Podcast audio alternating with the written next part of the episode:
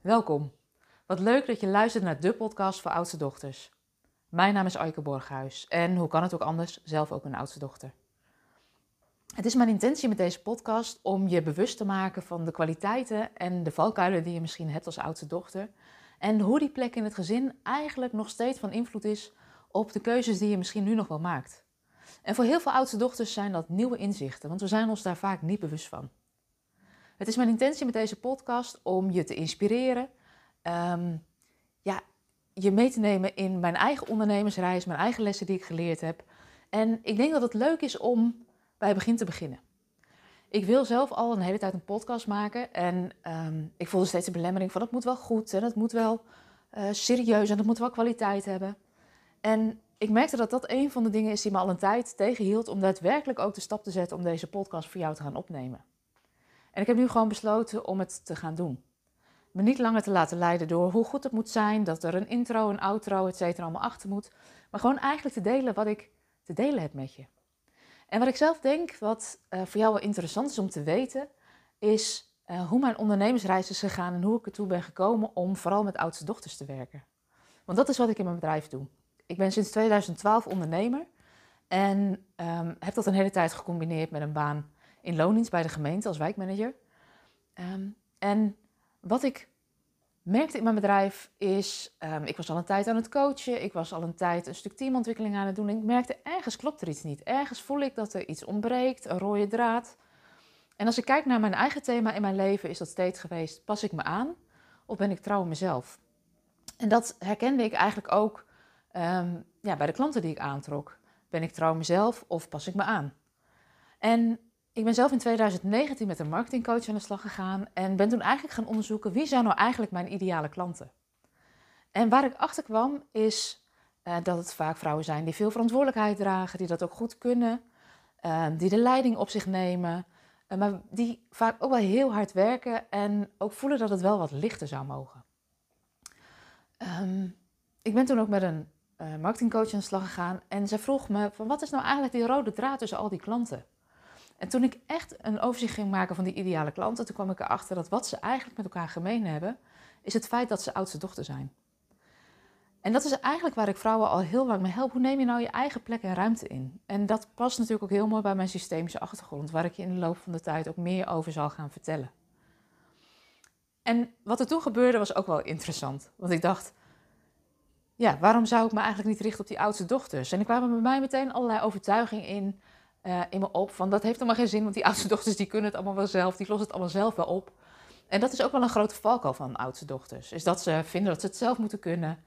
Uh, ze stralen vaak ook uit dat ze het zelf wel kunnen. Dus we krijgen ook eigenlijk bijna nooit de vraag van, goh, uh, wat heb jij nou eigenlijk nodig of kan ik jou helpen? En ik dacht ook dat vrouwen om die reden geen hulp zouden zoeken. Maar wat ik ontdekte, is dat die vrouwen uiteindelijk al wel hulp bij me zochten. Dat ze me al wisten te vinden. Dus die overtuiging die ik heel lang heb gehad van die oudste dochters, die kunnen het allemaal vanzelf, bleek niet te kloppen. En eigenlijk vanaf het moment dat ik me ben gaan richten op die oudste dochters, uh, merkte ik dat alles in mijn bedrijf gewoon soepeler ging lopen. Want het werken met oudste klanten is voor mij echt ontzettend leuk om te doen. En wat maakt het werken met die oudste dochters voor mij nou zo leuk in mijn bedrijf? Is het feit dat uh, als ze eenmaal besluit nemen dat ze het anders willen, dat ze ook stappen zetten. Dat ze ook de verantwoordelijkheid nemen om met de dingen die ik ze aanreik aan de slag te gaan. En dat ze daadwerkelijk merken dat het lichter voelt en dat um, ze makkelijker hun plek innemen, minder op wilskracht en op doorzettingsvermogen moeten doen. Misschien ook leuk om te vertellen wat ik ontdekte over al die oudste dochters. Want ja, oudste dochters, wat is nou zo typerend aan die oudste dochters? Mijn ervaring is dat oudste dochters um, van nature makkelijk verantwoordelijkheid op zich nemen. Veel verantwoordelijkheid dragen, dat ook goed kunnen. En dat is ook wat je ziet als je om je heen kijkt. Als je kijkt naar veel van de vrouwelijke wereldleiders of de vrouwen die op sleutelposities zitten in bedrijven of eigen bedrijven starten, dat dat heel vaak oudste dochters zijn. En dat is eigenlijk ook niet zo gek, want we dragen veel verantwoordelijkheid, kunnen dat ook goed. Um, dus we hebben, ja, we, doen dat van nature al. Want als je kijkt naar jezelf, jij bent vaak de eerste die voor het eerst naar school is gegaan. Je bent de eerste die voor het eerst is gaan studeren. Uh, je bent misschien wel de eerste die uh, onder je ouders vleugels wegging en dingen voor jezelf bent gaan doen. Dus we zijn al van jongs af aan best wel gewend om onze eigen weg uit te stippelen. Dat biedt natuurlijk enorm veel kwaliteiten. Ehm, en soms ook een paar valkuilen. Want uh, we zijn vaak ook behoorlijk gericht op wat anderen nodig hebben. Dus wat je bijvoorbeeld bij oudste dochters ook vaak ziet, is dat ze in gaten springen die vallen of dreigen te vallen. Um, waardoor ze eigenlijk minder tijd en ruimte over hebben voor wat ze zelf willen. En wat je heel vaak ziet bij oudste dochters is dat ze ook wel weten wat ze niet meer willen, maar dat ze eigenlijk niet zo goed weten wat ze wel willen. En daar ligt denk ik ook een hele grote sleutel, uh, waar ik oudste dochters mee help in mijn bedrijf, is weer ontdekken wie ben ik? Wat zijn mijn waarden? Wat is voor mij van betekenis? Hoe neem ik nou eigenlijk ook mijn eigen plek in? Want veel oudste dochters, um, je hebt natuurlijk een bijzondere plek in het gezin van herkomst waarin je geboren bent. En in dat gezin heeft iedereen een eigen plek. En als je op je eigen plek staat in dat familiesysteem, dan merk je dat um, je de dingen die je wil doen vaak ook, um, ja, eigenlijk dat je, dat je mee kan stromen op de levensenergie die er is. Dus dat dingen uh, moeiteloos gaan. dat gebeurt vooral als je echt lekker op je eigen plek staat. Dus dicht bij jezelf bent, weet wat je zelf wil, wat voor jou van waarde is. Dan kun je ook voelen of heb je een innerlijk kompas van hé, hey, wat is er nou, uh, wat wil ik nou eigenlijk? En veel oudste dochters zijn dat contact met wat ze zelf willen wat kwijtgeraakt. Omdat we vaak zo gericht zijn op wat anderen nodig hebben, um, dat we ons vooral daarop richten. En vaak eigenlijk niet goed meer weten wie we zelf zijn en wat we zelf willen. Dus waar ik oudste dochters mee help, is weer leren vertrouwen op je intuïtie, uh, je eigen plek innemen en van daaruit uh, stap voor stap het leven leiden wat jij wil leiden.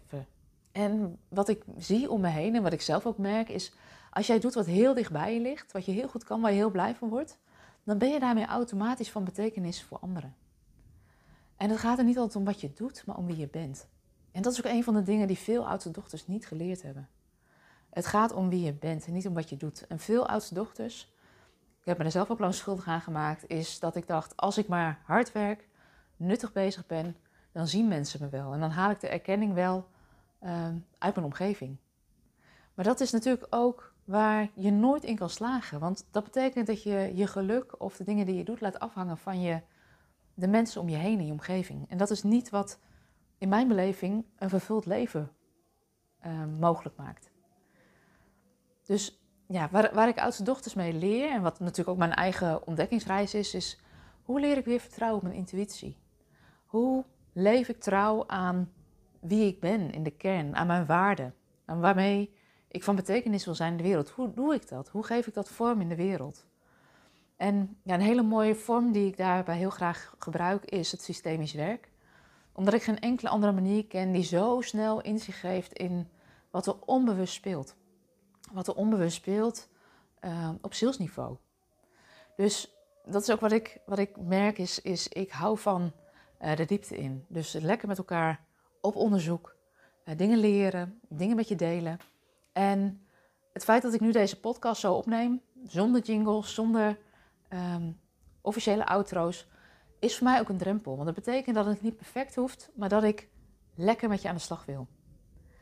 Het is mijn intentie om de komende tijd heel regelmatig een podcast voor je op te nemen. Dus die zullen hier ook steeds verschijnen. Dus als je het leuk vindt om wat meer te weten over die oudste dochters, abonneer je dan.